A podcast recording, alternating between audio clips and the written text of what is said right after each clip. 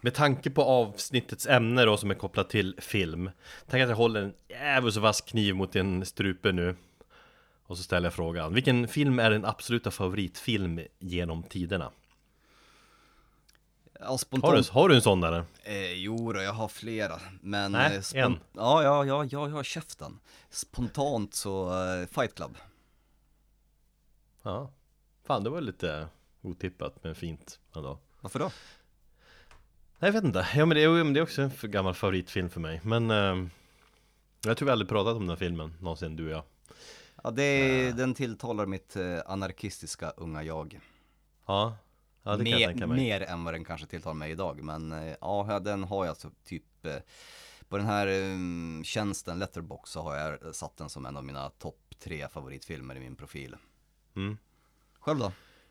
Nej, jag, vet, jag har länge sagt att Alien är min absoluta favoritfilm genom tiderna. Alltså man har ju många, men alltså, om jag måste välja så måste jag ju välja den. Och varje gång jag ser den Mm. Alltså jag ser om den så känner jag fortfarande att den är så fantastiskt välgjord på alla sätt. Den har ju liksom allt. Fan science fiction och Världens mest fullkomliga monster på film genom tiderna och sjukt bra skrivna karaktärer som de Alla känns äkta liksom. Hela storyn är liksom ultimat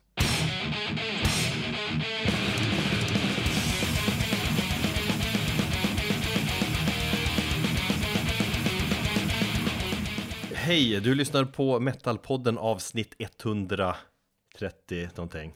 132 Hjärtligt välkommen, jag heter Erik och min eh, poddkollega heter Thomas. Och för första gången på eh, Ja, på- för jävligt länge känns det som så spelar vi in på kvällstid. Och det betyder att jag som kvällsmänniska då trivs ypperligt medan Thomas Han är förbannad och sur eftersom du har gått upp. Du hade lagt dig, tvingats gå upp och nu sitter du där, du har behövt byta inspelningsrum och du har morgonrock på dig, såg ut som någon jävla Tony Soprano-karaktär typ. Det var härligt. Ja, alltså ungarna var så jävla trötta och så jäkla griniga. Eh, lyckligtvis så, så däckade de så fort vi fick dem i säng, men det var lite kämpigt där och, tänkte, och så tänkte jag så här, ja, satte jag på musik, la, mig ner, la huvudet på kudden och så skulle jag typ stänga av telefonen och se ett meddelande från dig och bara, ah, jag kan inte spela in förrän liksom, ja, jag kan bara spela in idag. Så att, ja, det är väl bara att ta på sig morgonrocken och, och gå ut. Man hör ju på din röst att det går lite långsammare och att du är allmänt liksom trött. Ja, för, det känns jobbigt där. Ja, förutsättningarna är inte optimala för det här avsnittet och sen så att jag har suttit och spelat eh, spel med polarna fram till 3-4 på morgonen här nu tre dagar i sträck, eller tre nätter i sträck gör ju inte saken bättre. Så jag har typ 3-4 timmars sömn i, i kroppen också. Ja, alltså där- har du ju själv att skylla jävligt mycket. Äh, jag skulle inte säga att jag är på superbra humör heller. Det är söndag och det är sjukt barn här hemma. Förra veckan var ju den äldsta sjuk och nu är den, har den yngsta fått feber och det är därför vi har, håller på här med det här äh, livspusslet. Och då hamnar podden även i kläm. Och, och jag, vi är ju två nördar, vi gillar musik och helst liksom tung så, sådan. Ähm. Och då brukar vi prata om i olika former i den här podden. Fast du har ju som sagt släppt musiken där och det är så härligt på något vis att du har eh, ja, men gått all in i det jävla vikingaspelet. Ehm, Vi har kommit upp i järnåldern. det, ja, det verkar fakt- faktiskt vara jävligt kul när jag tittar lite på YouTube Jag har liksom frågat mina polare och grejer, jag vill också liksom Kanske också ska köra igång Är det ditt sätt att fly vardagen just nu liksom för att överleva den här skiten? Eh, ja, dels det och dels så vi satt vi uppe och snackade en hel del när vi spelade igår också, jag och mina tre polare. Och vi kom alla fram till att vi, det är som att vi har färdats ungefär 20 år tillbaks i tiden till den här guldåren när man var typ 18 år gammal och hade all tid i världen och spela spel och den här vet, nostalgiska känslan att bara du vet omslukas. Vi pratar ju väldigt mycket om eskapism i, i den här podden och musiken är ju en en stor del. Eh, film som vi kommer komma in på är ju en annan stor del i, vårt, i vår flykt. Och jag har ju liksom, som småbarnsförälder så har jag inte hittat tillbaka till gamandet då. eh, På många, många år. Men senast jag spelade ett spel och var verkligen fast i det, det var ju när Skyrim släpptes 2011. Så, och jag har försökt att komma tillbaka och hitta tillbaka till tv-spelet, precis som du gjorde med typ The Last of Us 2. Jo men jag brukar försöka Ett spel per år brukar jag väl liksom gå all in i- Och du har snackat om att du också brukar vara en spelnörd. Så har du tagit upp det där jävla Skyrim. Och någon gång när du spelat har du börjat spela Skyrim igen. Men vad fan, jag bara gå, gå vidare. Men det, därför är det så härligt att du har liksom börjat spela Valheim eller vad fan det heter. Ja. Det heter så, ja. Eh, Jag vågar inte riktigt spela det för det känns ju som ett sånt evighetsspel och det är livsfarligt för mig eftersom jag blir så jäkla beroende. Men det blir ju du också Ja, alltså det är sjukt beroende från kalendern, det är värre än crack. Eh, vi sa det, alltså det, det är bara, vi är alltså en hårsmån för att stå ute på ga- gatan och suga kök för, för att liksom bara få spela det spelet. Det är så alla försöker hitta, vi är alla, eller inte alla som, som spelar, men, men en del av oss har ju barn också, så att eh, vi alla försöker hitta någon timme där vi bara kan träffas, gå online, snacka och, och, och spela. Om det så bara blir för, för en timme eller någonting farma lite morötter eller kanske göra någon snabb räd någonstans. Uh, 53rd and third, Ramones-låten Handlar ju om Didi Ramone, hur han sålde sig Mm. Vid det gatuhörnet För att han ville ha, ha, ha råd att knarka Och jag tänker att du får döpa, eller skriva en låt som heter, ja vad fan du, vad he- vad heter vägen där du bor? Au- August Palms väg. Och gatuhörn där När du säljer din röv för att du vill eh, spela Valheim eller något sånt där.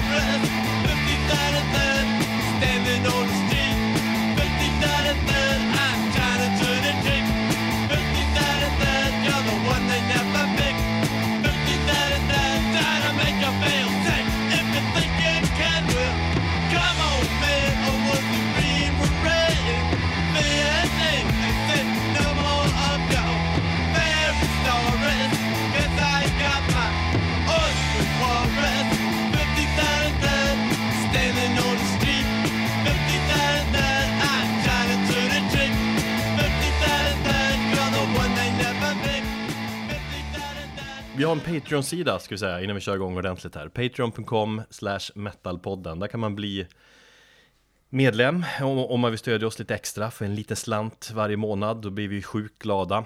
Och eh, ni får en jävla respekt av oss Och så får man ju som eh, en så kallad patronbelöning tillbaka I form av bland annat en jävligt snygg Metalpodden-mugg och de pengarna vi får genom, genom Patreon från våra medlemmar där Det är ju faktiskt sånt som vi återinvesterar i den här podden, eller hur? Yes. Och vi har ju faktiskt ett ganska stort projekt på G här framöver Som är jävligt spännande, som vi inte kan säga ett skit om egentligen Men det är liksom bara så att folk vet det Eh, Och det är liksom egentligen, vi kommer använda delvis pengar som vi har fått från eh, Patreon Om vi säger så här, eh, ja vi lär ju hålla en hel del på, på suga på den karamellen innan vi avslöjar vart, vad det här är årets sto- största projekt. Ja, för oss i alla fall. Ja. Eh, men som sagt, släng pengar på oss, vi, vi behöver dem för mycket kommer gå åt till, till att eh, ja, komma vidare i, med det helt enkelt. mm.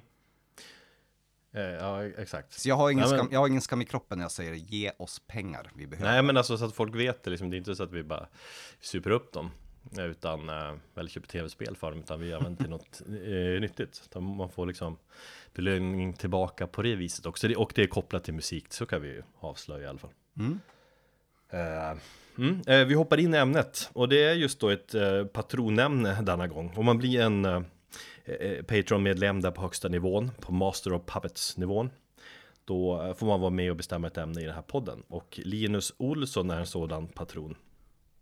Och i det här avsnittet så är det hans tur att ge oss ett ämne. Ehm, ett filmämne som han gett oss och jag tänkte att vi kan läsa upp vad han har skrivit. Jag tänkte att du får göra det. journalisten. Han skriver så här, förutom musik i allmänhet och metal i synnerhet så har jag en stor passion i livet, film. Så när jag nu får Patreon-makten tänkte jag försöka föra in det ämnet lite mer. Helt enkelt önska en filmspecial av Metalpodden. Egentligen tänker jag att ni får tolka ämnet fritt utifrån kombon film plus metal. Och sen så har han gett oss då tre förslag på, på, på ämnen som kunna ta upp. Antingen helt sonika diskutera filmer som handlar om metal, typ Story eh, of Anvil, det har vi ju, den har vi i och för sig inte pr- pratat om, men Spinal Tap. Mm. Biopics, Lord of Chaos, eh, eller fiktiva berättelser. Eller kanske någonting kring den relativt stora kategorin hårdrockslåtar skrivna för filmer. Eller kanske det som jag personligen skulle tycka var mest spännande, någon form av diskussion kring filmer som känns väldigt metal. Och bonuspoäng om allt inte är skräckfilmer. Men egentligen så tänker jag att ni får göra precis vad ni vill med ämnet. Jag är övertygad om att det blir ett fint avsnitt oavsett vad. Och så får vi gärna bjuda på en favoritfilmslista också. Det var vi ju lite Ja, inne där. ja, ja, det var vi inne på i början där, precis. Mm. Eh, Så skrev Linus och han var ju liksom som sagt frikostig där och gav oss tre ämnen att välja på inom film. Mm. Och så, det gillar vi ju när man får liksom bli ganska brett ämne och kan välja lite fritt. Eh, vi har väl valt två av dessa tre ämnen. Hårdrockslåtar skrivna för film, alltså soundtracks, d- helt enkelt är ju det. Eh, det hoppar vi eftersom det har vi faktiskt snackat om redan. Det gjorde vi i avsnitt 59. eh, där vi pratar om soundtracks till bland annat filmerna just Spinal Tap och The Last Action. Hero och The Crow med flera. Mm. Och vi tänkte lägga upp det så att jag tänkte prata om musikdokumentärer och du Thomas tänkte prata om filmer som känns metal. Precis, och där har ju jag då kanske en liten mm, parentes. Så just det här att prata om filmer som känns metal, då blir det ju liksom spontant så tänkte, tänker man ju skräckfilmer för det är ju ganska närbesläktade teman. Ehm, plus att vi har ju pratat om väldigt mycket just kombon skräck och metal tidigare i den här podden. Mm. Så det jag har försökt att hitta det är att jag har tagit filmer med som kanske inte känns metal, eller de gör det, men det har inte varit min eh, infallsvinkel utan jag har försökt hitta, eller jag har tagit två filmer eh, med en musikalisk koppling och exakt vad det är, ja det kommer till framöver. Och det är väl Mm. två personliga filmer som, som är relativt nya och som jag gillar, som har en, ja, en koppling till musik helt enkelt. Ja. Och sen är det Eh, bo- ja, bonus att det, att det kanske är metal-känsla i dem. Mm. Jag är lite nyfiken på definitionen där. Mm. Liksom. Men det kommer vi in på. Eh, vi, vi ska väl börja med musikdokumentärer här. Och det tänkte jag prata om. Det, det har gjorts väldigt många musikdokumentärer ju. Det finns många att välja på. Det känns som att det är lättare än någonsin att hitta sådana idag. Eh, ja, med, med Netflix och alla streamingtjänster hit och dit. Och jag tänker att även i de här jävla pandemitiderna känns det liksom väldigt lämpligt. Det är bra tider att se mycket film och se mycket dokumentärer. Jag har en känsla av att, eh, att, att det ses fler dokumentärer än någonsin. Så här. Ja, jag, har, Det- det- ja, jo, jag förstår det och jag kan hålla med. Det släpps ju otroligt mycket och det känns som att det väldigt mycket släpps också fritt.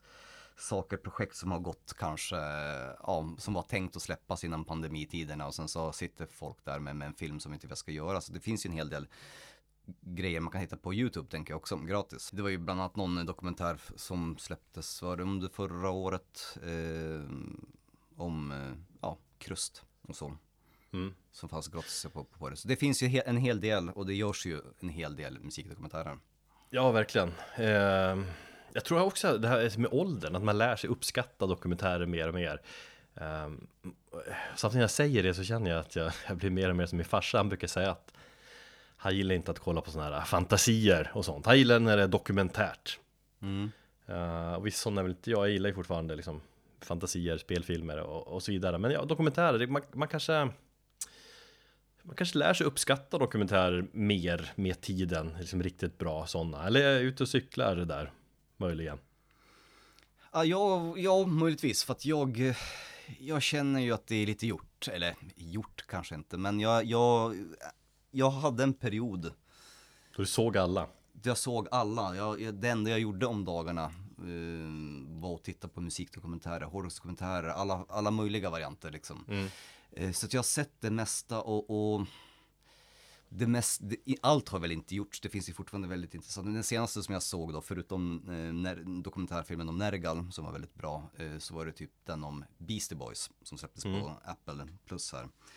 Den var, ja den var, den var cool helt enkelt. Men i övrigt så jag, jag vet inte, jag, jag kanske, Du trillar inte av stolen när du ser musikdokumentärer nu för tiden, inte alltid. nej det gör jag inte. Det är för att det, det, det känns som att själva narrativet i många filmer är lite liknande. Jag vill ha, jag vet inte, jag kanske letar efter någon annan infallsvinkel utan storyn är alltid liksom på samma sätt. Det handlar om ett band. Ta till exempel Beastie Boys som är den senaste som jag såg då. Eh, där Där du har liksom en historia om ett eh, gäng som lyckas, sen så blir det skit, de splittras, interna stridigheter och så hamnar de ner i skiten och sen så kommer comeback. Och det känns som att många eh, musikdokumentärer har exakt samma narrativ uppbyggt. Mm.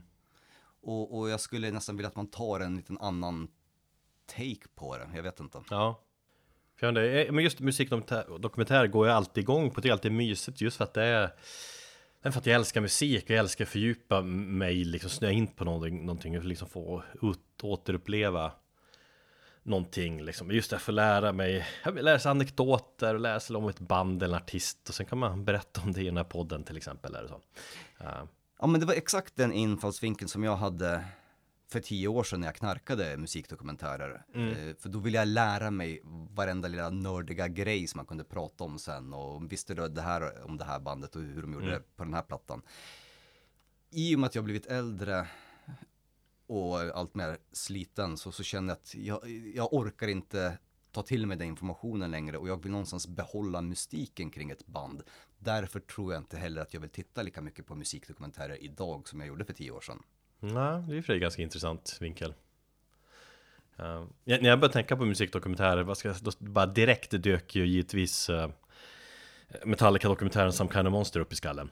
Givetvis. Automatiskt där, eftersom det är ju Metallica och jag, och jag försöker nämna det bandet i varje avsnitt och så, men också för att det fortfarande är en helt sjuk dokumentär, att de lyckades liksom eh, filma bandet när de mådde som sämst och när bandet verkligen höll på att spricka och så här.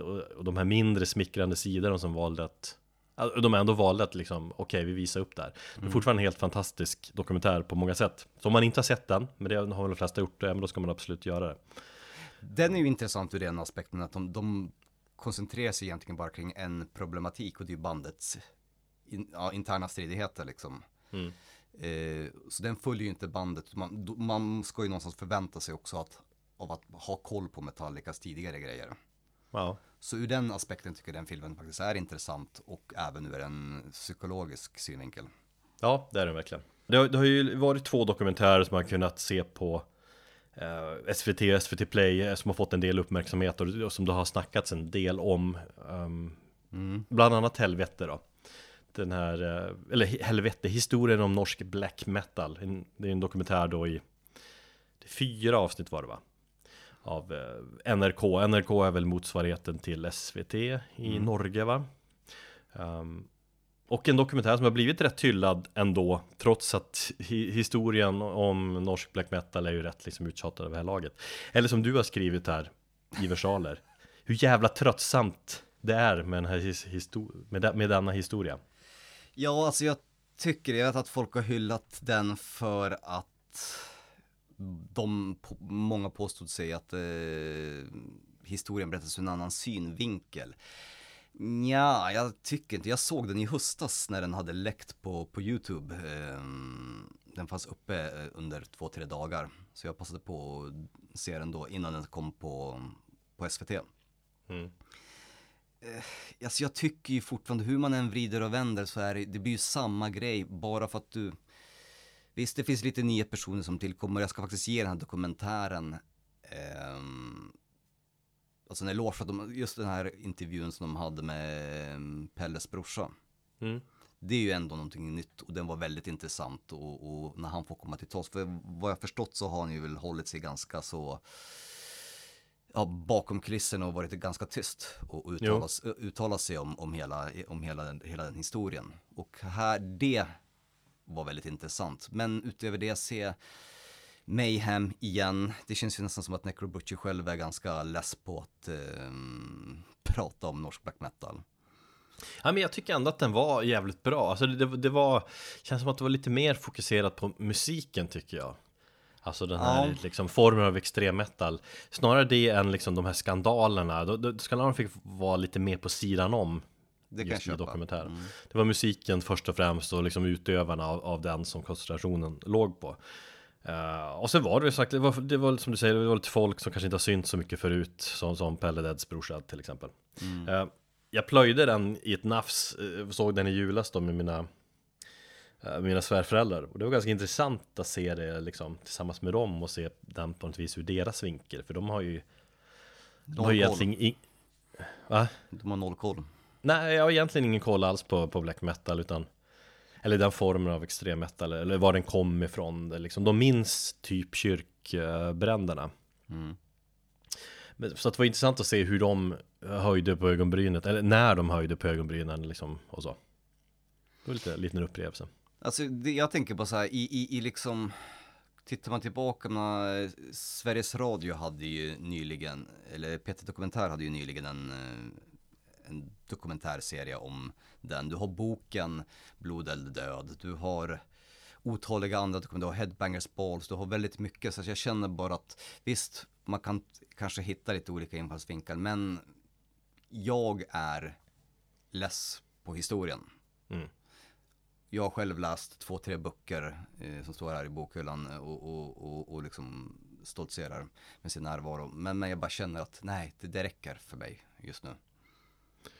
Det som gör den här annorlunda är väl just att det är norsk liksom, television som gör den Eh, Ja. Kanske, att då blir den lite speciell Men nej, vi skiter i den där storyn nu för evigt Jag tycker det. Vi, vi Ja. begraver den.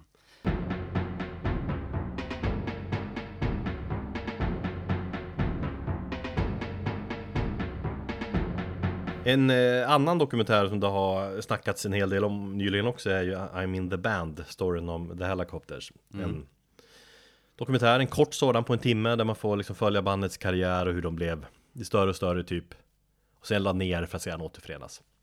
Kanske det där klassiska greppet som du var, var inne på då Det var precis den, det greppet jag tänkte på. Jag, till och med, jag tror jag recenserade den där eh, dokumentärfilmen online. Eh, och då skrev jag så här, ja men det är den klassiska historien om ett band som lyckas bli stjärnor typ över en natt.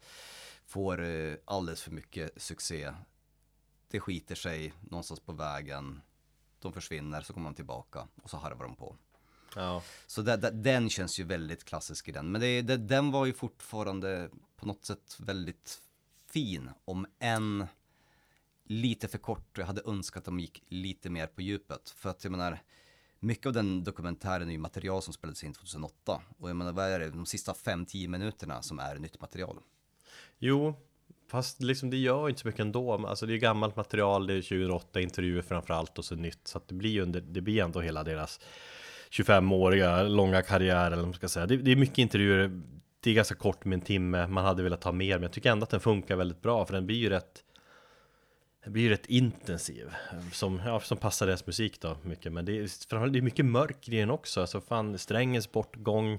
Ja men där, där Alkoholismen är ju där ehm, Absolut, men där önskar jag att de hade kunnat stanna till och, och, och verkligen grävt lite djupare i, i själva strängens, ja, deras insats i bandet och, och, och lite mer. Det kändes som att de bara skrapade på ytan. Det, det gick för snabbt och alltså, av respekt för, för, för honom så skulle jag gärna vilja ha, ha lite djupare i, eh, ja, en, en djupdykning i, i, i hans eh, insats i bandet helt enkelt.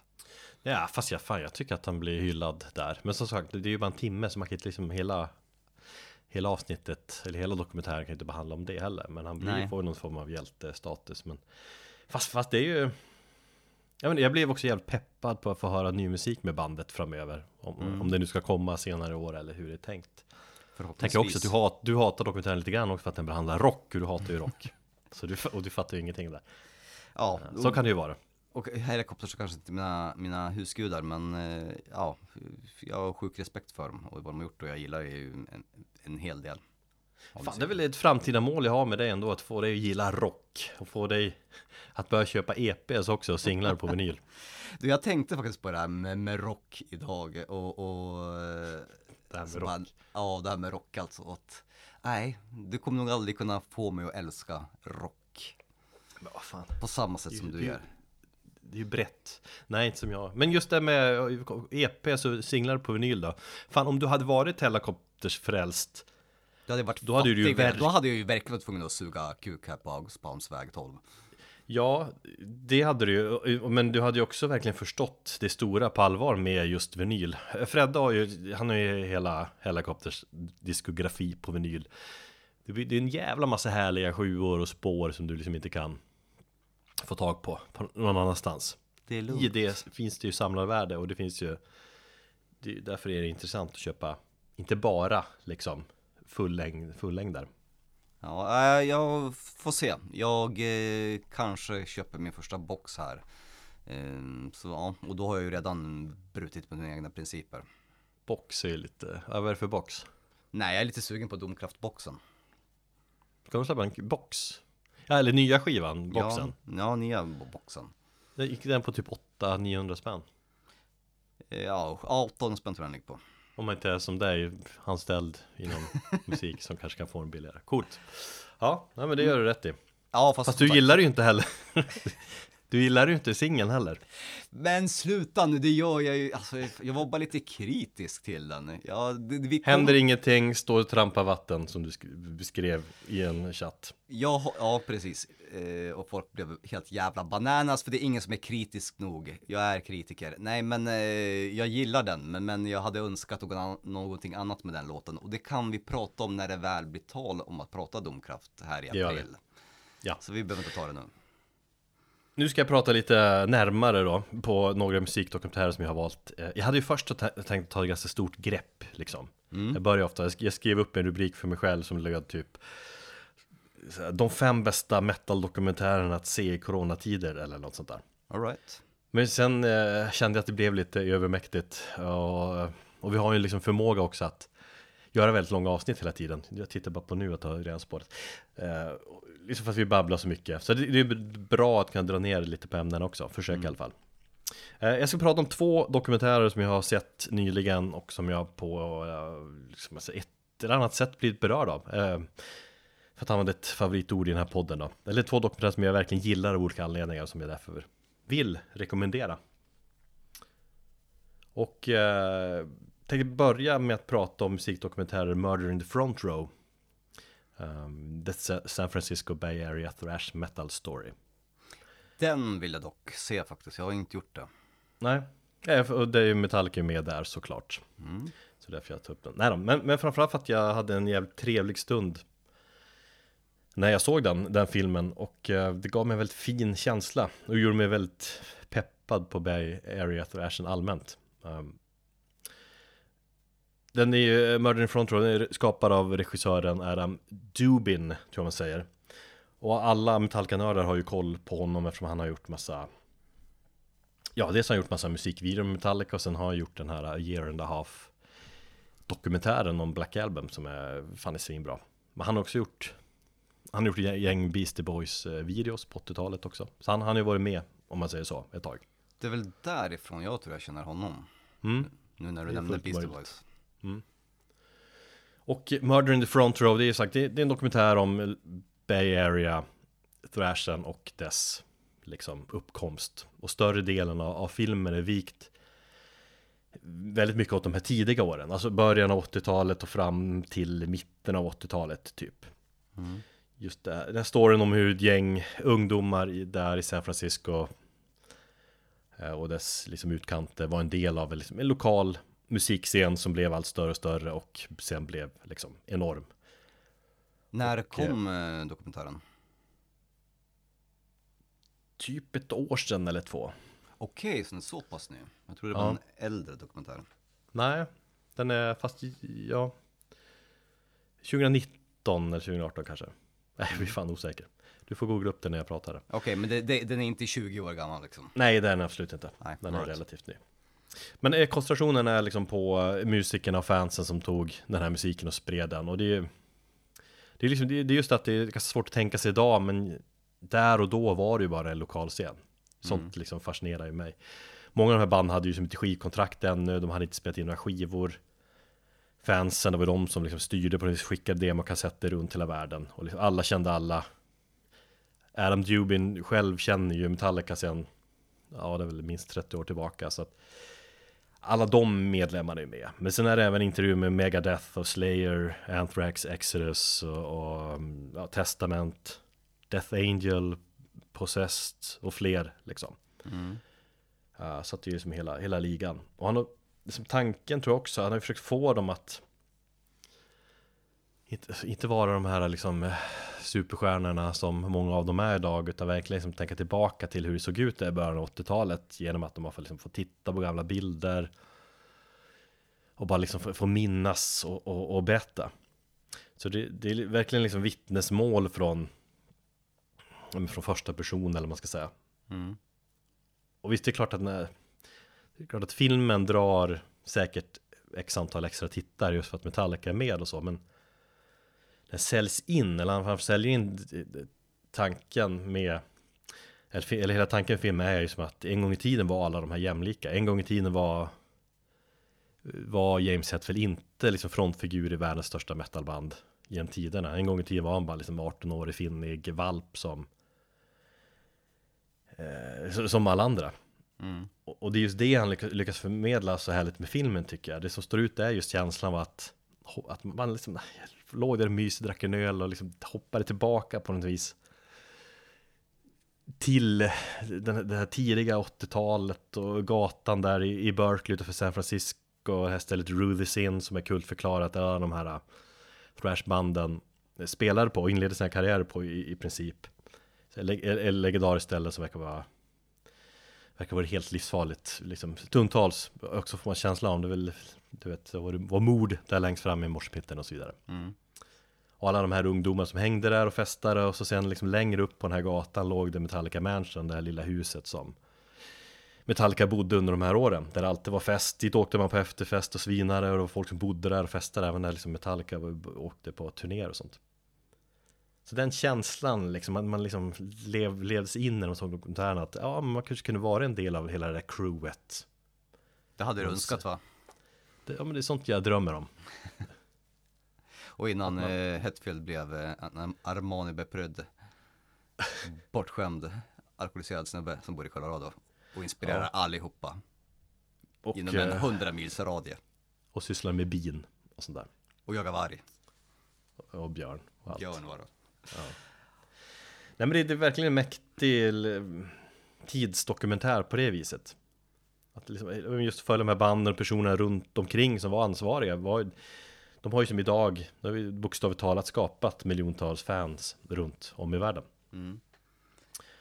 Och liksom för en sån som mig då som är där thrash metal är någonstans min ryggradsmetal på många sätt. Så ska man se en sån här film. Även du ska se den. Ja, absolut. Men hur, alltså, är fokuset jämnt fördelat över alla banden eller är det mer fokus på Metallica? Ja, man ska klaga lite, klaga lite då såklart så är det, det kanske lite för mycket koncentration på Metallica. Eller kanske, kanske mest koncentration på Exodus som är ganska intressant ändå. Ja, Kanske mer på Exodus, ja. jag tänk, tänkte just att, eh, ja, dels Exodus och, och Testament hade ju varit kul att få veta mer om. Det, det är ju kanske historier eller, ja, det är väl historier som man inte känner till lika bra som Slayers eller, eller Metallicas. Nej, men det var liksom, för Metallica blev ju poppis jävligt tidigt och liksom lyckades åka över till Europa väldigt tidigt så var Exodus var ju liksom husbandet i San Francisco mycket, alltså mm. thrash husbandet. Eh, så det är nog mer Exodus faktiskt. eh, men visst, det är svårt att ge alla de här banden lika mycket utrymme också också. Sen blir det lite spretigt på slutet när man pratar om den här liksom en andra och tredje generations thrashband. Då går det lite för snabbt. All right. Eh, med Rob Flynn är med, liksom är snabbis någonstans och så. Samtidigt blir jag ju extra sugen på något vis liksom av på, på lite, spana in lite mer senare Bay Area Thrash. Typ Violence med fler, alltså det, det, där, det där gänget. Istället för de här klassiska. Sent 80-tal, tidigt 90-tal. Ja, precis. Mm. Så om man inte hatar Thrash då så ska man ju absolut se Murder in the Front Row. Så är det lite märkligt att jag inte har sett den förrän nu. För jag minns ju, det var jävla massa peppade trailers eh, som jag såg. Sen glömde jag bort filmen något år då innan jag lyckades se den. Men får, eh, får de flesta komma till tals då eller är det mest fokus på, på front, frontpersonen i, i bandet? Jag tänker på om det var Gary Holt i Exodus och det är Hetfield i Metallica. Eller? Ja, alla, det är alla i Metallica och det är flera testament eh, medlemmar och Slayer killar. Så, så att ja, jag tycker att flera, ja men Megadeth är ju, är ju både Elfson och Mustaine och så här. Right. Så att det, det är väldigt många som kommer till tals. Mm. Men det är fortfarande liksom en, en ja, men typ en och en halv timme eller vad, vad kan vara. Så det går ju ganska intensivt fram ändå. Mm. Men storheten är just det där att man på något vis hoppar tillbaka och får en känsla om hur det var där. Där alla de här kidsen liksom thrashade runt. Um, vi ska lyssna lite grann då på en av de mest klassiska Bay Area thrash-låtarna, Bonded by Blood. med Exodus. Det är ju Paul Bailoff där som sjunger Murder in the front row i, i refrängen som ju dokumentären är döpt efter.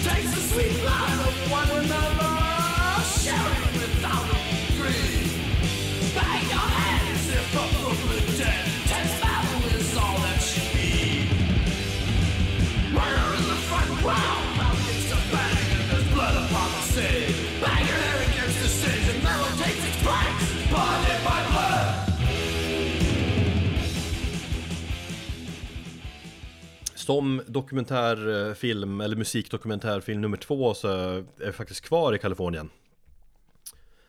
Men vi reser liksom, eh, ja vi reser söderut till betydligt varmare breddgrader söder om Los Angeles där Till Palm Springs och Coachella Valley och de här ökenområdena. Eller för att det ligger väl mest Tror det ligger sydöst Eller österut om Los Angeles tror jag. Skitsamma, Sky Valley Joshua Tree ligger väl där också.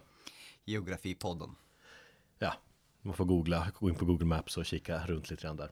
Fan, det är lite av ett eh, drömresemål ändå för oss. Post-corona 2035 när vi, eh, när du och jag ska musikvallfärda lite grann. Vadå åka till... Eh, Vi åker till LA. Ja. ja, jag kan, vi, vi sveper och så här whiskys på Rainbow eh, och sådär och så hyr vi en bil och så åker vi ut till öknen och så poserar vi den här jävla den här Welcome to Sky Valley-skylten Skylten, som pryder Kajos platt, platta med samma namn. Fan, är inte det lite gjort? Jo, det är gjort. Det är ungefär som att stå på scenen. Kyss, som det Ja, heter, heter de ju. Käften. Ehm, det är som att stå vid, eh, ja, helvete det upp och nervända korset där. Fast den måste vi ju också, den, den måste vi ju ändå göra. Måste ju ner dit. Eller, ja, eller eh, Skogskyrkogården. Jag har fan fortfarande inte varit där, det är helt sjukt. Ja. Jag kanske borde börja med Skogskyrkogården. Det kan vi göra nästa gång du kommer till Stockholm, då börjar vi där. Ja, Det blir bra. Och så avslutar vi med Sky Valley 2035. låt mig gissa att det här är historien om hur det började med eh, just Kajas, eller? Ja, Ja. det ehm, Precis, alltså det är band som Kaios och Queens of Stone Age gjorde ju liksom scenen världsberömd. Um, och det, dokumentärfilmen heter ju, jag vet inte om jag kommer inte ihåg om jag sa det, men Low Sound Desert som Eller Low Sound Desert, The Story of Desert Rock. Det la jag faktiskt till på min eh, watchlist innan vi bestämde oss, eller innan vi fick det här ämnet. Så jag har faktiskt planer på att se den just på grund av att jag aldrig har sett en dokumentärfilm om, om den musikscenen. Och jag kan typ ingenting om det. Nej men du, alltså, du- nej, nej, det här måste du verkligen se för det här är ju en av de bästa dokumentärerna jag har sett Musikdokumentärer jag har sett, så jag gick ver- verkligen igång på den Ja, ur vilken aspekt? Nej men massa liksom, bara, bara känslan? Och det är varmt som fasiken där också i de här ökenområdena. Det är ju upp mot 45 grader på sommaren läste jag. Det är ett semester, klassiskt semesterparadis för massa rika pensionärer. Och så just att där växte också upp en musikscen. Den här liksom kaliforniska desert rock och punkrock-scenen Och det är ju så sagt, det är Kayes och Queens of Stone Age typ som gjorde allt det som folk kände till den. Um, men, eh, och kanske att filmen liksom dokument, marknadsförs lite så, du vet, men eh, liksom, är historia om Desert Rocken, men jag tycker filmen har så mycket mer och det, och det, det är en annan vinkel än bara liksom den här koncentrationen av musiken, är samma gamla vanliga. Det, det är skapad av en tysk som heter Jörg Steineck. Tysk filmmakare, så han har gjort, eh, han gjorde en dokumentär om truckfighters också. Alright. Mm. Verkar vara allmänt stort fan av scenen. Uh, det är en film som tagit väldigt lång tid att göra, tio år och alltså, två crowdfunding-kampanjer och sådär. Och det, den skiftar liksom mellan, mellan massa in, intervjuer och, och det är gammalt filmmaterial och gamla bilder och massa stories. Så det känns som att det finns material, det känns som att man har haft material att klippa tusen olika versioner av den här filmen. Um, Men med tanke på hur mycket material det verkar finnas och hur lång tid filmen har tagit att skapa så är den jävligt bra. Det känns som att annars känns som att han skulle kunna gått vilse någonstans halvvägs in i processen eller att man själv skulle ha gjort det i alla fall. Det där har jag, har jag också tänkt på när man kollar på dokumentärfilmer, att det är väldigt viktigt vem det är som har gjort, eller att regissören eller dokumentärfilmaren är, har koll på scenen, för jag vet att det finns en hel del just amerikanska dokumentärfilmer om den norska black metal-scenen, där man märker att de har egentligen ingen koll. Nej. Där, det, där de börjar liksom dokumentärfilmen, åh, Skandinavien, det är där eh, vet du det, isbjörnar går på gatorna. Så att det är ju viktigt också att personen har någon inblick i scenen och kanske själv är intresserad. Det gör ju en dokumentärfilm så mycket bättre. Ja, man kanske inte behöver brinna för det, men vara liksom, jag här, insatt och ha koll på vad man snackar om, absolut. Och sagt, det är ingen dokumentär om Kaius eller Queens of Stone Age så, utan fokuset är snarare på, på den tiden och den kulturen som gjorde liksom desert rocken eller snarare det som före musiken så är det mer liksom kulturen och tiden. Det målar upp en jävligt liksom spännande tid där i Palm Springs och eh, de områdena på 80-talet och det, det fanns ingen plats för ungdomar att spela musik. Eh, polisen stoppar allt, eh, slog ner sånt som folk satte upp, försökte spela, band jammar i garage och då kom liksom polisen dit och knackade på och bara det här får ni, det här får ni inte hålla på med. För folk vill inte ha en sån där ful ungdomskultur i de här fina semesterområdena. Fast liksom ingen plats för punkare där. Så att Ungdomar hade liksom inget att göra så de drog ut till öknen eh, Så hade de såna här generator parties som man har hört talas om Alltså att man körde ut till vildmarken Långt åt helvete, drog igång Elverk hade de väl då. Och, och, och, och spelare. Och jammar i timmar Liksom hela natten lång. Och det var liksom Ja. Redan, redan där tycker jag att infallsvinkel låter betydligt mer intressantare än någon annan dokumentärfilm man har sett på sistone. Just att han tar kanske mer av en, eh, en era, en tid. Ja, och, och fokuserar på, på liksom det kulturella inom, en, inom ett e, gäng år istället för att fokusera på ett band eller beskriva en historia genom att gå in eh, och, och kolla bakgrunden till varför ett band blev som det blev liksom. Ja, nej men exakt, och så är det verkligen.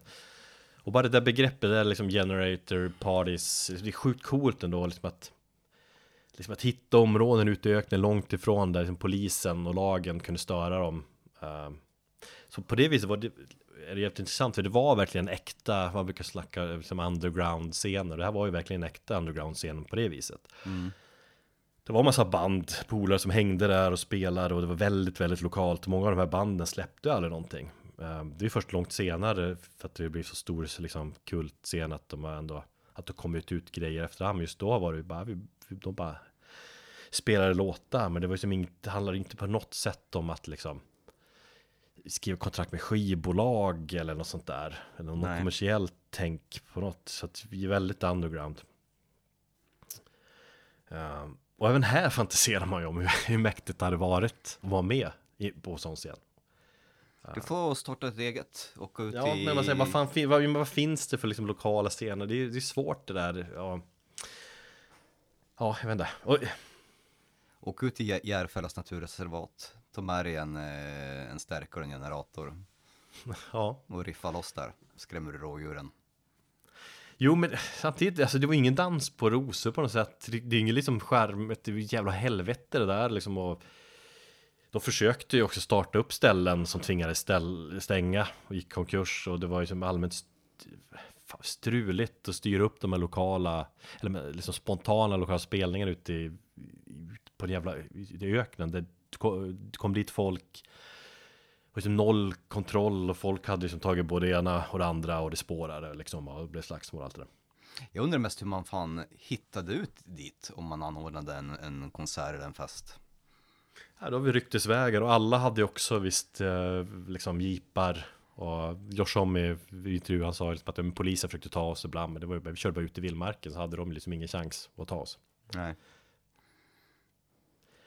Um, så att det var, och det är också spännande just så sagt att det var, det var inte alls någon tanke på att den här scenen skulle bli så stor som den blev. Det var ju liksom Kaius, Kyss, jag ska sluta. Ja men det var ju de som slog igenom och det blev liksom på något vis av en olyckshändelse. Det var, plötsligt blev det en känd scen liksom.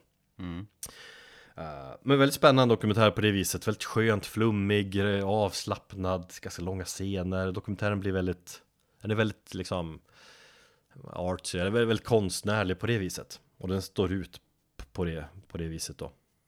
Jag skulle vilja sammanfatta det här med, det, det, det är öknen och det är, det är friheten och musiken. musiken. Det, det är liksom, och livet.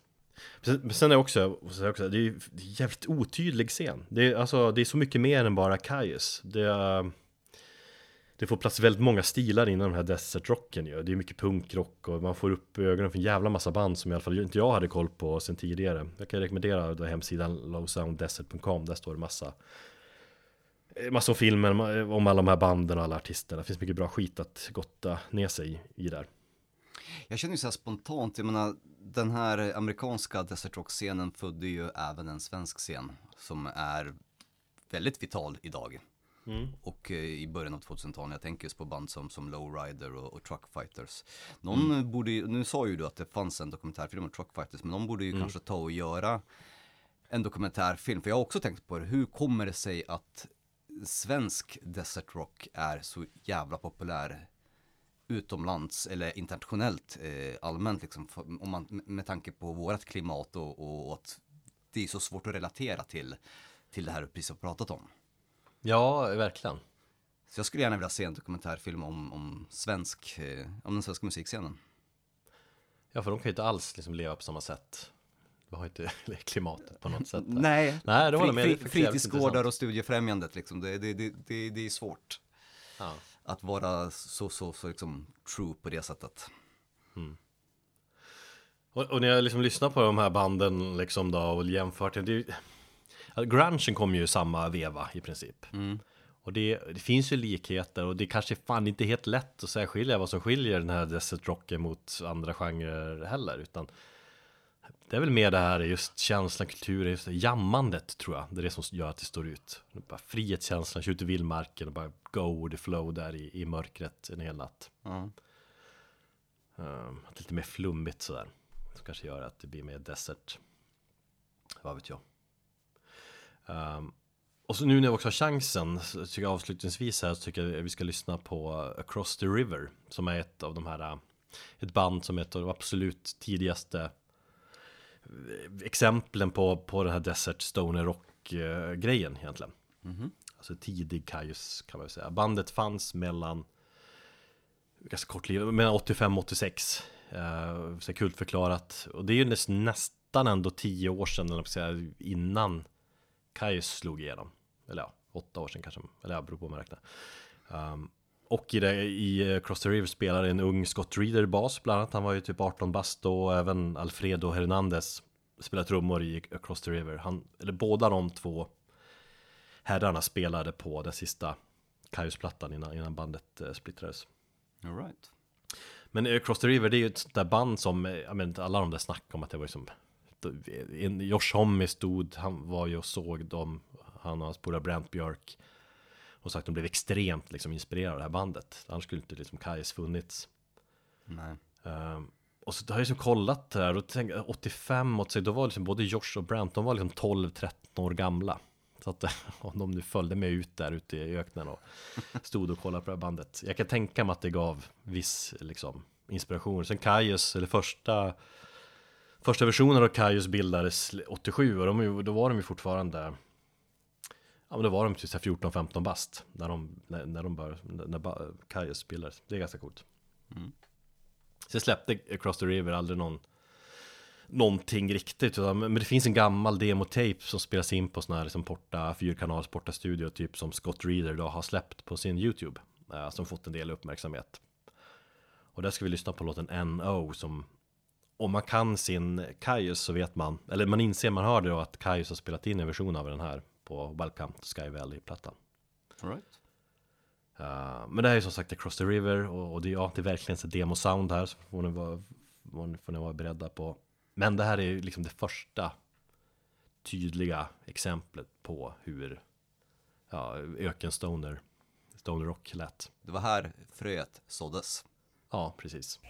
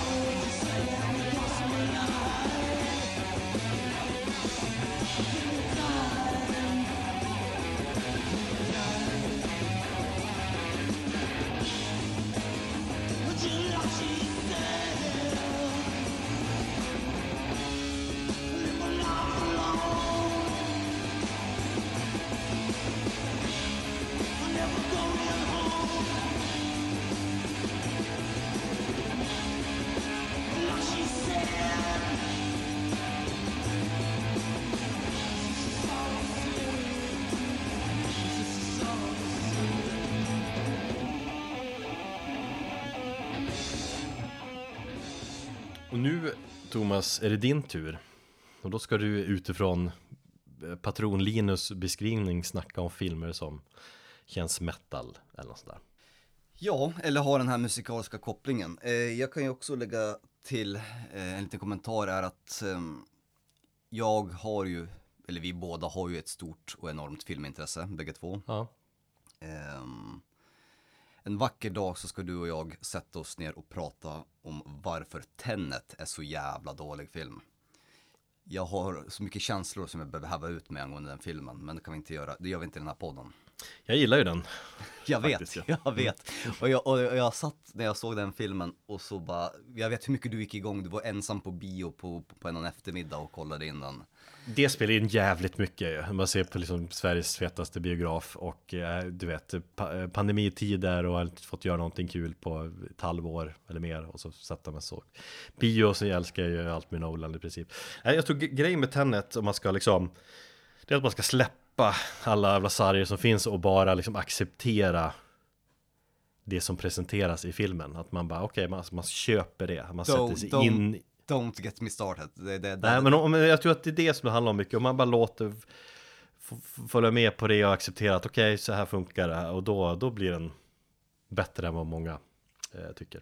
vi, vi tar det när det här coronahelvetet är över, vi kan dricka öl ihop och jag blir full, då ska jag häva ur med allting. Ja, är bra. Jag, Jag, satt, jag, jag, satt bara också, tänk, jag satt bara och tänkte på dig under hela filmen. det är lite sjukt dock. Ja, och bara Det fan, fanns fan. hjälp. Byggt upp Ja, jag tänkte- argumentationer. Ja.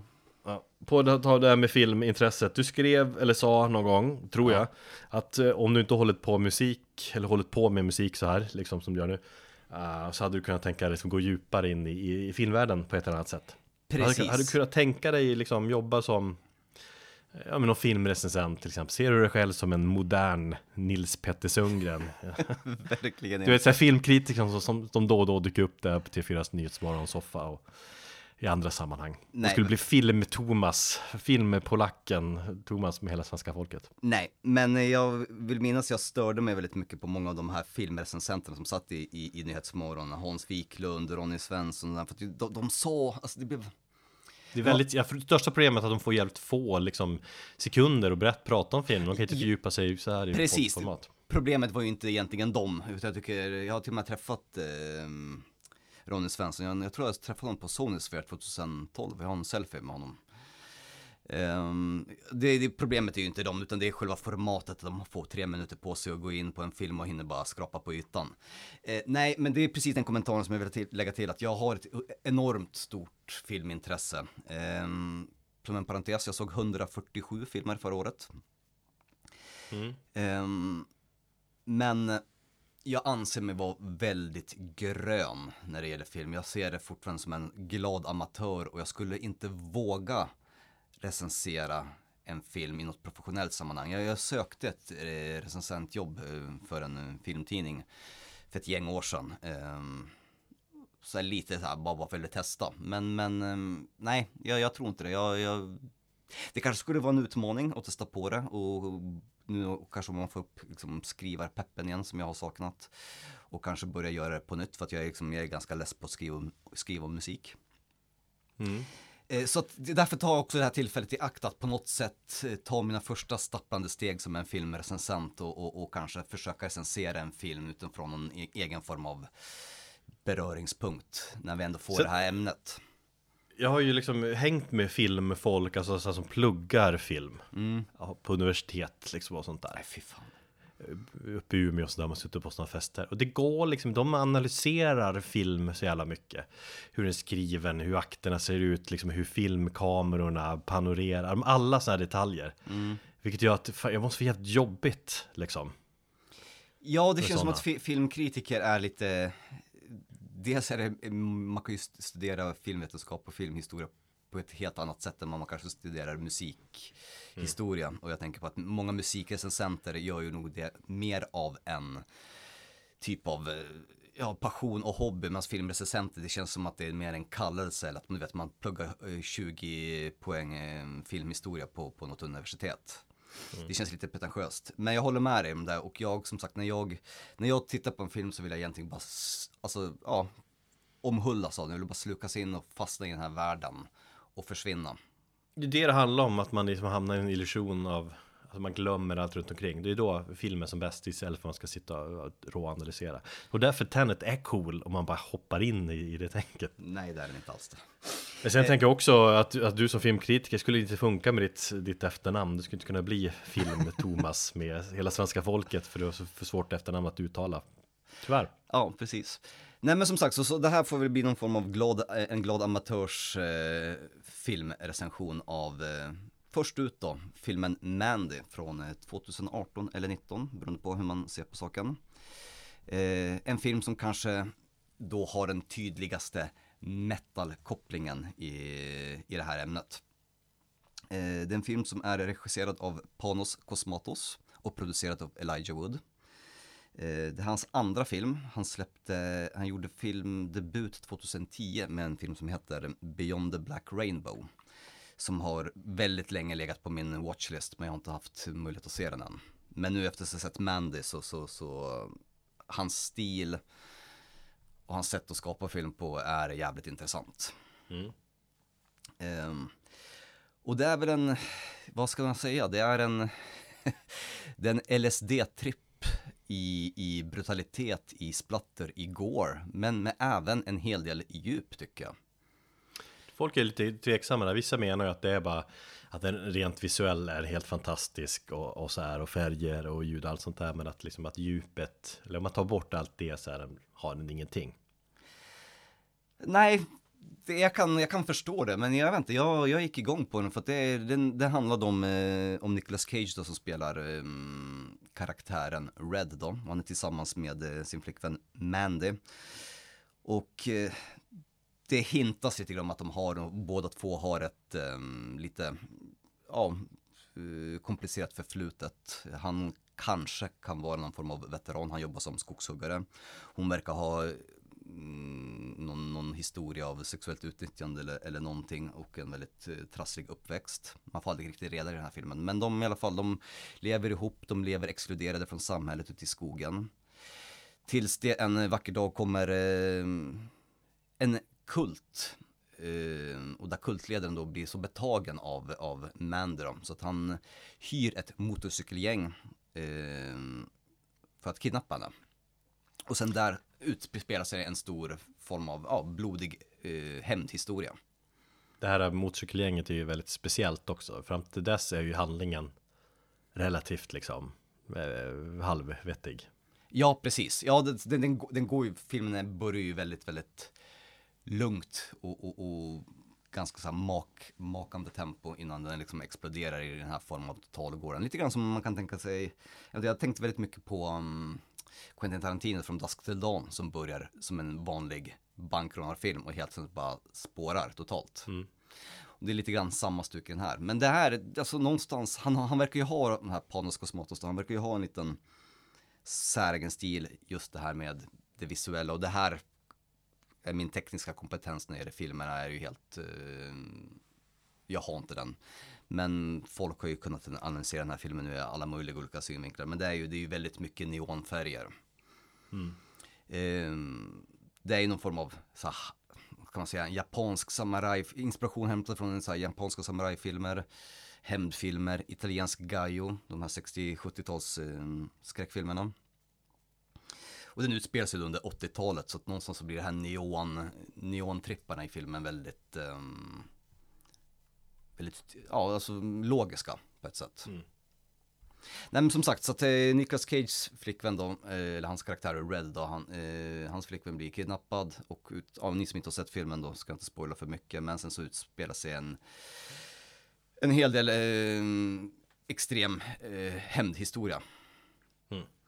Och eh, då finns det i alla fall tre stycken metal-kopplingar då, om man ska säga som så. Dels så har vi ju introlåten i, i början av filmen som är eh, eh, King Crimson, som spelar låten Starless från, från deras album eh, Red.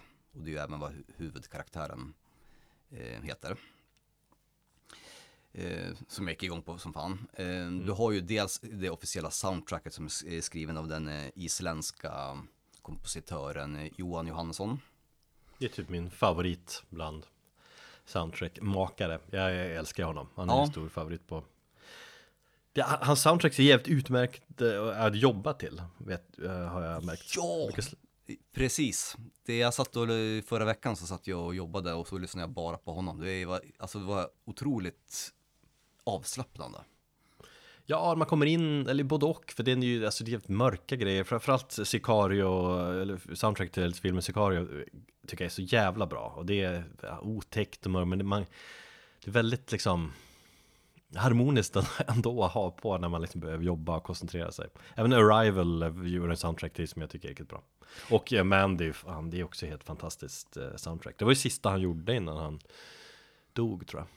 Ja, han dog ju kort efter filmen, eller han hade gjort i alla fall det här soundtracket. Eh, Ganska Mm. så mörk död. Han dog väl på grund av en cocktail av influensamedicin och eh, heroin, eller om det var kokain, överdos.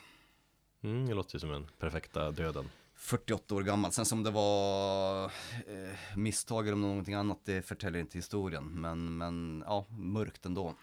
Mm.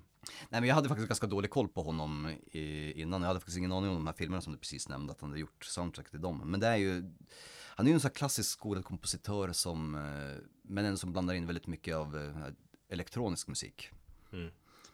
Eh, och man hör det ganska, ganska tydligt i, i, i det här soundtracket till just Mandy. För att det finns den här klassiska, de klassiska element och sen så lägger du på det här 80-tals ambient. Det är ju någon form av synthwave-stuk på det. Han har ju olika vinklar på alla soundtracks också och det är ju mycket 80-tal på, på Mandy. Mm. Ehm, men han gjorde, ju, han gjorde ju många soundtracks tillsammans med den här uh, vad så Denise, vad heter han, Denise Villeneuve eller sånt där. Villeneuve, ja, just det. Villeneuve, ja, som, gjorde, ja, som har gjort Sicario och Arrival och eh, Blade Runner med flera. Ehm, men framförallt jag tycker att Mandy soundtracket det är jättecoolt för det är liksom eh, jag tycker det är lite black metal-känsla och, och eh, visste du att uh, Sun-gitarristen är med på den? Nej, Och lägger så här uh, drone-gitarrer det hade jag ingen aning om. Nej, men det är jävligt coolt Det är ju skiva som man fan måste ha också På vinyl Fan nu när du säger det, jag ska fan lys- lyssna på den igen bara för det. Mm. Nej, och det, det, den tydligaste metalkopplingen, och det här gick jag igång på, det, det hade jag faktiskt ingen aning om. I, i den här historien då, när eh, Mandy ska ta, eller när Red ska ta um, hämnd för sin flickvän Mandys död då. Och hämnas den här motorsågs, eh, eller den här eh, kulten och det sådana här motorsågsgänget som den här kulten har hyrt. Så eh, smider han sig en, eh, en yxa. Och mot, slu- mot slutet att det blir en jävligt cool duell mellan, eh, mellan den här yxan och en jävligt gigantisk motorsåg. Det är nästan over the top, men, men jag gillar det. Det är ju att filmen är ju lite over the top, men, men det, Ja. det, det går ju an. Men har du tänkt på yxan? Nej Eller var det ett tag sedan jag såg den så Eh, det är en hommage till Celtic Frost, för att yxan är format som F1 i Frost. Aha Fan, det, så, det märkte jag. Och jag, jag satt där och bara pekade, bara, oh, oh, Karo, kolla, kolla. Det, är- det är ju Celtic Frost F1 och så bara googlade jag och så mycket riktigt. Så det är ju någon som haft koll som har gjort den. Det är massa, det vet jag det finns massa metal-referenser i, i, i filmen Ja. Det är liksom från t-shirtar och det, ja, det är kopplat till, det är mycket Hellraiser och det är typ massa, filmer och eh, Iron Maiden kopplingar finns det, så det finns ju jättemycket grejer som de har lagt in Ja, eh, huvudkaraktären går ju omkring med en t-shirt som står 44 på. Jag tror också det är någon koppling till, till någonting som har med metal att göra. Nu minns jag inte exakt vad. Så det, det, det, det, finns, det finns en hel del att hitta. Jag tror han har en Mötley Crüe t-shirt också supermetal står han, men det finns massa flera referenser till metal och hårdrock i filmen Ja. Nej men, Rå analyserar den på det viset också Eh, summa summarum, det är en film som jag gick igång på just på grund av att jag tyckte att det fanns ett djup i allt det här eh, goret och att eh, alla de här LSD-tripparna, det kan som sagt ibland slå över när det blir för, för pretentiöst. Men jag tycker att eh, Panos Cosmatos håller sig ganska bra inom ramarna utan att det liksom går överstyr. För det finns ju en sån här montage när, när, när just Nicolas Cage går på en um, syratripp och bara svävar ut. Ja men det är fantastiskt att, att det görs en sån film idag och att liksom Nicolas Cage är med och, Och sagt visuellt. Så jag, jag kommer ihåg att jag, det kanske var några scener som var lite för utdragna. Så för filmen är ju jävligt lång om jag minns rätt. Det är väl inte över, bit över två timmar eller sådär. Uh, men så jag tycker att det är mycket David Lynch i den också. I just att den, är, den har sin weirdness liksom. Det går mycket liksom, Twin Peaks eh, känsla. Ja. Typ en blandning mellan David Lynch och Hellraiser på många sätt. Tyckte, fick jag känslan av när jag såg den. Ja, alltså influenserna haglar ju tätt och man ser ju vad, vad, vad regissören har hittat sin inspiration från, eller vad han har sin källa. Ja, Eh, ver- verkligen. Ehm, och sen så som sagt, Nicolas Cage är kanske känd för att göra, ja, man kan ju tycka som om, vad man vill om han som skådis, ibland så spelar han över, men det här hans överagerande tycker jag är, eller överspelande, det passar honom perfekt i den här filmen. För jag tycker att han gör en jävligt bra roll, även om han som sagt överagerar i, i, i vissa situationer. Men det passar just i den här filmens tema. Så att vi, vi kör en, en låt från eh, soundtracket till filmen. Och eh, det är jo, Johan Johanssons eh, Death and Ashes.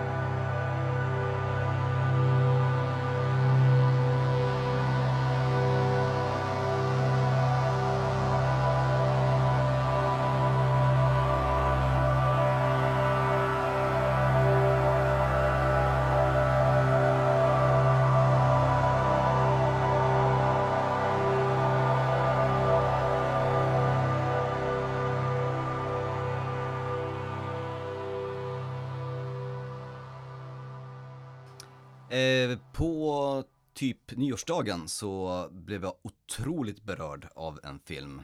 Eh, eller det var i alla fall kring, eh, kring julen här då, då jag såg Sound of Metal. Eh, har du hunnit se den sedan dess? Nej, jag har ju fortfarande inte hunnit göra det. Det har kommit lite saker emellan. Men fan, jag hade ju verkligen tänkt se den till det här avsnittet. Uh, den finns inte på laglig väg ännu riktigt. Och, Nej, då blir det det, så att jag... många fall så väljer jag då, eller väljer att liksom hellre vänta än att fultänka och så. Ehm, Det är ju men... din, eh, det är ju lite grann ja. en independent rull också så det är svårt att, och, och man får nog vänta ett bra tag på att den ska komma på laglig väg. Men jag, jag, jag ville verkligen se den, jag tror jag väntade på den i ett år när jag, när jag hörde att den skulle liksom, när den annonserades som den här filmen. Så den blev ny försenad på grund av eh, coronan också. Ja, nej, samtidigt säger jag att det kanske är bra att jag inte har sett det för du får sälja in den ytterligare. Men jag har ju haft koll, jag har säkert haft koll på den mer än vad du har haft koll på den. All right. För, för att Lars Ulrik har peppat den jävligt mycket. Ja, vad, vad är hans roll? Du snackade någonting om att han varit med och Nej men han har snackat om den i sociala medier och han Det känns som att han är med och smygproducerar filmer eller någonting Jag har googlat lite grann då på det här för att jag, För jag, hitt, jag, jag hittar ingenting om att han har haft något finger med i den här filmen. Eh, Nej, men han, han hostade en, eh, liksom i samband med att den hade premiär så hade han YouTube-snacket då med regissören och den här skådisen där, Ahmed, eh, eller vad han heter.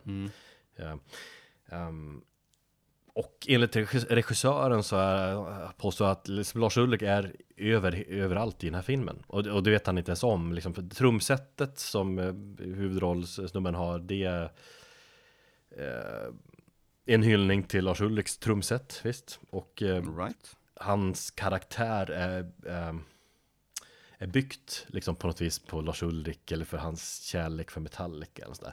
Så att liksom, Lars Ulrik har en väldigt viktig roll på något luddigt sätt i den här filmen utan att innan Lars Ulrik ens visste om det. Sen har ju som Lars Ulrik kommit fram och älskar den här filmen och har liksom sagt hur mycket han älskar den och, eh, och har som hjälpt till i reklam för den och så. så. Det, det, det, det betvivlar jag inte, men fan ibland undrar, undrar om inte du försöker läsa in för mycket Metallica i allt här i livet. Nej men vad fan, det var ju så jag fick liksom hörde talas om filmen och han liksom flera klipp på, på hans Instagram snackar om den här filmen och sånt där och har som sagt har varit med och gjort Han kanske bara gillar den. Ja, men han gillar den verkligen mer än och som sagt om regissören själv säger att Lars Ulrik är hans liksom själ på något vis. Jag menar att hyll, sån detalj att trumsetet är en hyllning till Lars Ulriks trumset. Säger ju han, jag har ju citatet här. Då är det ju fan, har ju Lars Ulrik en tydlig del i filmen. Sound of metal.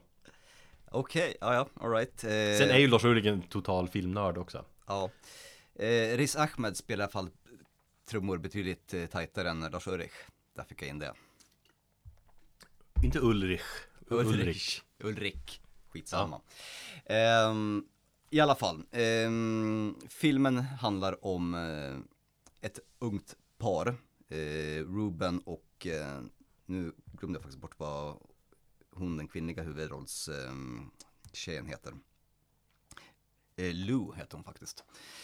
De är kringresande såhär, do it yourself musiker, åker omkring i en eh, RV eh, och spelar i ett eh, sludgeband, skulle jag, sludge doom band skulle jag säga. De har väl sagt att det är i många recensioner och i beskrivningen så kallar de för något heavy metal eller någonting, men det, det låter väldigt sludgigt. Han är trum... Mm, och det, det gillar jag också. Jag, jag fattar att det är lite åt det brutalare liksom än det här eh, töntigare liksom. Ja, precis. Nej men de spelar ett sludgeband och åker omkring och, och eh, ja, lever på vägarna helt enkelt. Han är en eh, recovering addict då, har varit fyra år fri från heroin. Hon har också varit eh, fri från droger och de har väl hittat, på varan- eh, hittat varandra på det sättet. Startat ett band och håller varandras liv flytande genom att vara tillsammans och peppa varandra. Man, man får verkligen känslan av att det går, går bra för honom där i filmerna och som de, de älskar livet på vägarna. Tills en vacker dag då han märker att eh, hans hörs, hörsel börjar eh, bli sämre. Och börjar, ja, det börjar tjuta väldigt mycket. Eh, han går till läkaren och får, eh, ja, det blir, blir tillsagd att lägga av och spela omedelbart för det kommer bara bli, bli sämre. Men han vägrar göra det för att bandet då som spelar in heter Blackgammon börjar bli ganska populära. Så han fortsätter köra och mycket riktigt så, så tappar han hörseln helt och hållet.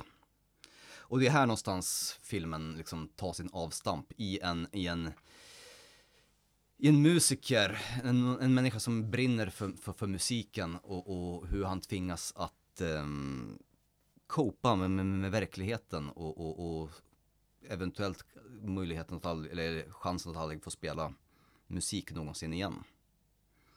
Mm. Jag vill inte heller liksom spoila för mycket av filmen för det är faktiskt det är en emotionell resa som den här filmen tar på. Men den handlar ju egentligen inte så mycket om musik. Det är, en- det, alltså att det här att de är ett metalband eller att han är en eh, metaltrummis. Eh, det är egentligen bara liksom en bakgrund som, som själva filmen utspelar sig mot. Det är sekundärt, men det är väl alltså i live-sammanhang så kan vi få tinnitus och grejer och kanske ja, Absolut. risk att, mm. Och jag kände, jag hade liksom pulsen uppe för någonstans så har jag också tänkt, tänk dig liksom om du eller jag skulle mm, tappa hörseln. Tänk att inte kunna få lyssna på, på musiken. Tänk att inte kunna få driva den här podden ihop. Tänk Ja men det har, det har ju alla gjort liksom. Man, man bara tar det för givet det här med hörseln och allting. Mm. Men just det där med, för vissa säger också det, har jag för mig, att eh, det är värre att bli döv än att bli blind. Ja. Ja, spe- speciellt för någon, någon som brinner för, för musiken. Jag kan tänka mig att det är kanske betydligt jobbigare än, än, än säg, vad får inte jag, en aktiemäklare. Mm. på det sättet. I alla fall, så att han bestämmer sig för att ehm, sälja all sin utrustning, sälja sin bil och allting och eh, försöka få ett sånt här, eh, göra en operation med ett implantat. Vad heter det? Cochlear implants. Kanske något sånt ACDC-sångaren lyckades med. Han Ja. ja. bli dö, döv också. Fan, du och jag känner till eh, ett band, det ska vi inte nämna då, men som har en sångare som har extremt stora problem med med, med, med hörseln och nog måste komma att tvingas lägga av, lägga ner. Jag har också precis hört om det, vi pratar eller vi tänker på samma band där. Mm. Vet, Jävligt hemskt. Jävligt Ja. tråkigt faktiskt. Ja, otroligt. Ja, jag bara tänker på att det är därför jag har på mig hörlurar, eller hörlurar, eh, öronproppar vart du än går. Fan, glöm aldrig öronproppar oavsett om du är musiker eller om du är eh, ja, vanlig konsertbesökare. Mm. Nej men som sagt, han, han känner ju naivt då att han, han ska ta, sälja, liksom det är USA, han, hans, eh, hans sjukvård, eller hans sjukförsäkring tänk, täcker ju givetvis inte det här implantatet, så han säljer av allting som han äger och tar råd och han tror ju naivt då att han ska få tillbaka hörseln och kunna spela någonstans. Men sen så här är det ju tydligen som så att som vuxen att få, om man har tappat hörseln och göra sådana här implantat i öronen så, så kommer du ju aldrig någonsin kunna höra på samma sätt som du gjorde förut. Det är ju lättare om du som barn skulle födas döv. Då är ju barn lättare. Eh, och det är den här filmen som får så otroligt mycket välförtjänt och, och fin kritik för. Det är ju själva ljudproduktionen, hur de har lyckats eh, balansera och, liksom visa hur ljudet är viktigt. Som ljudet i filmen, eh, och inte bara musiken, men har ju en otroligt viktig roll i den här filmen. Ja, det där har jag ju mm, läst väldigt mycket om och det känns, vissa säger också att man må- måste, eller helst ska man se filmen med, eh, med hörlurar eller, eller ett jävligt bra surroundsystem. Så därför undrar jag, hur, hur såg du den här filmen? Vad hade du för? Nej, jag, jag såg den som vanligt på min tv. Jag tror att jag hade med, kopplade den till stärkaren bara för att kunna få, få ljudet ur högtalarna som är lite bättre än, än tv-högtalarna. Men det är inte så att jag har något speciellt system för det. Men jag tyckte inte det. Ja, i och för sig, jag kanske skulle, man kanske ska se om filmen lite grann. Ja, för det verkar vara så jävla, för det, det snackas ju om att det vet jag inte, har liksom Oscarsnomineringen varit så att den här, eller har den Nej, den här kommer nog, i och med att den blev försenad på grund av coronapandemin så är det inte säkert att den kommer nomineras för i år än den blir nästa år. Ja, nej, lite- men folk skriver det att den här filmen tror många kommer bli Oscarsnominerad för av just ljudmixen. Att den är, det är någonting helt Jag, har- eh, jag, alltid, jag alltid från de här tillfälliga stunderna när han tappar hörseln, när saker blir, blir liksom dö, dövare, dovare Mm. runt omkring honom och sådär. Och tills det här, när han får den här eh, in, implantat och man hör det här metalliska skrapande ljudet och tydligen så har, säger ju folk också att det är, det är ungefär så här det låter att få sådana implantat i vuxen ålder. Det är väldigt svårt för någon att kanske förklara det. Men någonstans så, så ställs ju, ställs, så, så får du ju frågan och du, som du själv måste svara på. Vill du hellre leva i total tystnad och inte höra någonting eller ha det ljudet av skrapande metall i, i, i bakhuvudet hela tiden? Och det är ju den, det är den här nya verkligheten som, som Riz Ahmed då, han som spelar Ruben, eh, behöver komma till, till insikt om. Och han har ju väldigt svårt där. Hans förhållande spricker och han märker ju också att han är ju otroligt rädd för att hamna tillbaka i sitt drogmissbruk bara för att hon klarar inte av eh, förhållandet där det blir kompli- komplicerat och så, så sticker hon. Även fast hon lovar att vänta på honom. Han försöker hitta tillbaka till henne och lovar att komma tillbaka till henne så fort han har åtgärdat sin, sin, sin hörsel och de kan börja turnera igen och allting kan vara som, som förut. Men det kan det ju givetvis inte vara. Ehm, så att det, det, det är ju dels, dels ljudproduktionen då som är så, så otroligt uh, välgjord. Dels jag tycker att Riz Ahmed gör en sån för jävla bra insats, insats i den här filmen och det som folk säger, men det är, jag tror han redan fått så här Golden Globe-nomineringar och vunnit en, ett gäng priser. Och de säger att, ja, ska man få en Oscar så ska du ju spela eh, en film som handikappad. Det, det, det, ja, men det känns, kolla på Forrest Gump, det, det känns som att det är liksom receptet för att göra det, men det, det är inte därför han har gjort den.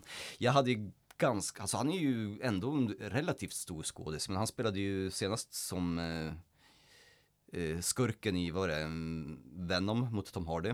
Ja, den var ju sådär. Men det, jo, men fan, Ja, han men- har en men- tv-serie. Ja. Ja, han spelade ju i Night of.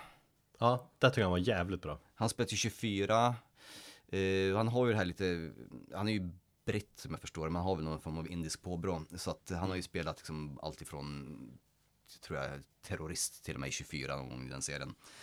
Eh, så att eh, jag har haft koll på honom, men han, alltså, han har ju, dels har han ju biffat upp sig ord- ordentligt. Han har ju tagit sig tid att verkligen sätta sig in i dels musiken som han spelar. Han lärde sig spela trummor inför det här avsnittet.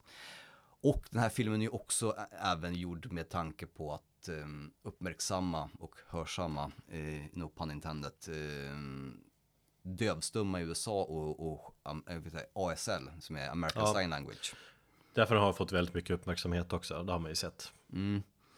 Eh, och det, och det, de har ju väldigt många mm, riktiga eh, döva karaktärer med i filmen. De flesta skådespelarna är faktiskt, eh, har någon form av koppling till, till att de själva är döva eller har släktingar som är döva.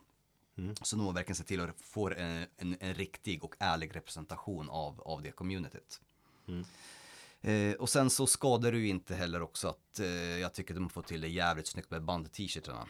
Jag var lite rädd där i början när man såg så här att okej det här kommer vara en orgie i, i ganska eh, så obskyra vintage eh. Men de gör ändå jävligt snyggt. Han har ju på sig typ en, en, en Stolzen och Neubauten t-shirt. Han har på sig eh, ett gäng så här gamla obskyra 80-tals eh, krustpunkband. De har gjort det liksom ordentligt, alltså, så att det känns äkta. Eller regissören där verkar ju ha, ha koll på. Ja, på det hela. ja precis det. Och jag tänker oftast att hårdrockare i, i filmer eh, görs oftast väldigt stereotypiska. Jag menar, Ja. det räcker att du bara sätter på någon en, en jeansväst, eh, ett nitbälte och sen så, fan vet jag, så några patchar som inte har någonting med hårdrock att göra, någon stjärna, en liten dödskalle så har du fått till hårdrockaren och så har du fått den stereotypa bilden. Här tycker de visar en, en musiker och en hårdrockare som är människa och har en djup karaktär bakom sig han eh, tvingas liksom att eh, jobba med sig själv. Det är ju otroligt mycket känslor i, i, i karaktären och ett enormt djup. Och sen just att de har fått till det med, med, med t-shirtarna är bara en extra bonus. De har gjort det snyggt, tydligt men ändå liksom inte on top liksom. Så att man, man, man, man märker att någon har haft koll på, på, på musiken helt enkelt. Mm. Ja, grymt. Alltså den filmen den lämnade mig med, med, med alltså, många olika känslor. Det är dels alltså, en känsla av så här, av, dels för att den var så fin för man blev så otroligt berörd av den och dels av en så här känsla att, ja, fan, tänk att behöva mö- bemöta den där verkligheten eller ett sånt där problem själv. Mm.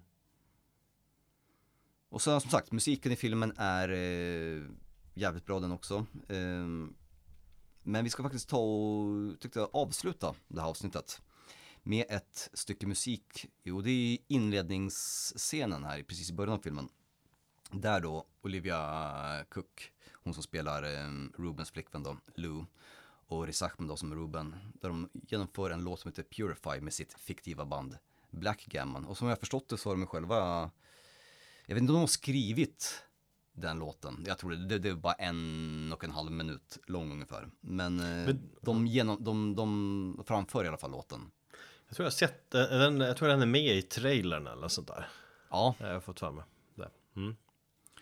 så att, eh, och den heter Purify. Så tycker jag är jävligt coolt. Ändå, dedication. Spela, spe, lära sig spela trummor, lära sig spela musik, lära sig teckenspråk för en film och verkligen respektera allting. Både döv, det döva communityt, respektera hårdrocken med att ta sig an och sätta sig in i karaktären. Så att jag är som fan, jag, och det, det är också att jag har fått sån sjukt nyvunnen respekt för, för honom som skådespelare. Jag Allt för att han vill få sin jävla Oscar. Nej men kolla, kolla, jag har kollat en hel del dokumentär, eller dokumentärer, intervjuer med honom eh, och han verkar så otroligt ödmjuk, killen. ja, och då får man ju verkligen, när man ser honom liksom, då, då han Ja, han är inte lika biffig som i den här rollen och han, han har glasögon som är intelligent ut och så har han sin liksom eh, eh, brittiska som han Ja. pratar med. Och det känns som, okej, här är ju verkligen en, en skådespelare som går, går in i, i en eh, roll ordentligt. Och framförallt att gå från att vara liksom med i en Marvel-film till att ehm, köra en independent-film. Han sa att det var en utmaning för honom. Ja. Så, nej fan. Bättre film tror jag inte kommer se i år. Om du ser om Tenet igen och känner att fan nu är den bra. Vi får ta den där ölen snart. Ja, det gör vi. Måste fan göra i år. I år? Ja, måste vi. I år, eller nästa år. Alltså, Bra, mycket om, vad fan, du, du överlevde den här kvällen ändå. Ja, absolut. Och ni är alldeles för pigg för att gå, gå och sova. Så att, Då ju vet du vad du gör. Du sitter vid datorn, du startar det där Valheim-spelet och ger dig ut. Eller kan du göra det själv eller måste du spela med dina polare då? ah, fan, vi är ju så pass eh, rutinerade så vi har hyrt en dedikerad server så alla kan spela när de själva känner för det. Så vi möts ju in i spelet. Ja, okej, men v- vad kostar det då? Det vet jag faktiskt inte. Det, är inte, det var inte så, det är ganska billigt tror jag. Mm. Bara istället för att vänta på att en, en polare ska gå online och så ska han behöva bjuda in oss till spelet. Så, så är det lättare så här. Kan jag gå, och- jag behöver faktiskt ta och göra lite mer morotsoppor inför nästa raid. Ja. Och så kör ni, snackar ni genom Discord eller något sånt där. Precis. Grymt, ska styra upp det med mina Öviks eh, polare. Det var någon som var lite sugen. Det tycker jag, det låter skitbra nu. Då ska vi krossa er, ni fjantvikingar från Västerås. Tack för att ni lyssnade. Ja, tack som fan. Ta hand om er. Ha det bäst, hej.